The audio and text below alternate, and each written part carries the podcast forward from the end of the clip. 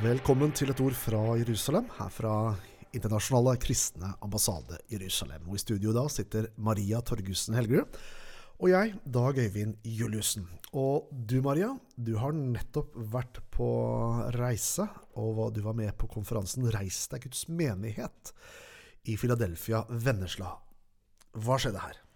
Ja, det var søndag eh, nå eh, i august, og det var altså en spennende dag. Hvor eh, det var fem-seks timer med temaer innenfor samfunn og politikk. Eh, men man belyste disse fra en, et kristent verdigrunnlag, og man gransket hva Bibelen sier i dag. Og det var kjempespennende. Det var flinke folk som deltok. Øyvind Benestad, Espen Ottesen, Bjarte Ystebø og Trulf Olufsen Meus, for å nevne bare noen. Og både unge og eldre. Eh, veldig spennende og viktig. Det var eh, faktisk 800 stykker som deltok der.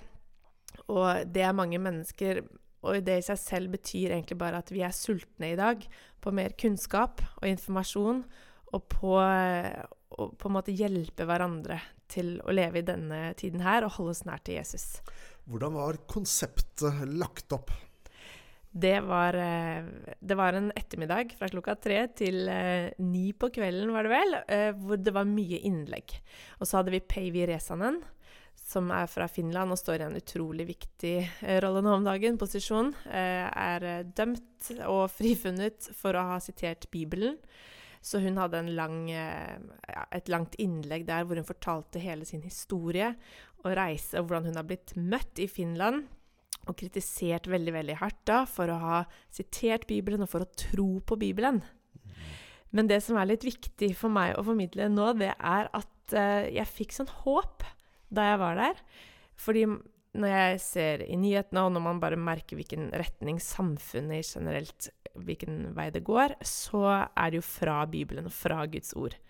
Men disse menneskene her, de lever så tett med Gud at de klarer å formidle lys og håp og sannhet og en sånn glede over å tro på Bibelen. Så jeg ble så motivert da, til å si til mine venner i hverdagen jeg leser Bibelen, og det tror jeg er sannhet. Jeg, hørte faktisk, eller jeg leste faktisk uh, tre ungdommer som ble intervjua eh, i forbindelse med den konferansen. Og de etterlyste mer av uh, mer Guds ord mm. i forkynnelsen rundt omkring i Kristen-Norge. Og det er jo ikke noe dum etterlysning, det. Det er gode toner fra en ung generasjon. Ja. Det er, eh, det er, viktig mm. at vi er stolte av Bibelen, og at vi um, har gode lærere som de mm. etterlyser det. Men du var jo ikke bare til stede, Maria, og hørte disse ulike innleggene. Du holdt jo en, eh, et innlegg selv. Det gjorde jeg. Ja. Det var kult. Jeg snakket jo om Israel. Og det er jo gøy at de prioriterer det innenfor alle disse områdene de valgte å ta med. Så syns de at Israel er viktig. Og det var tydelig når jeg sto der og skulle holde mitt innlegg, at uh, mange av folket i salen de syntes dette var veldig bra. De hadde hørt noe lignende budskap før. Og så ser du også at det er mange yngre mennesker i salen som uh, ikke har hørt det før. Du kan se det litt sånn på ansiktet og ja. Men uh, Og jeg formidler jo da Israel Eh, gjennom Bibelen. Altså hva sier Bibelen om Israel? Det var liksom min hovedoverskrift. Vet du hva, det skal vi høre mer om, Maria, men først skal vi høre på litt musikk her.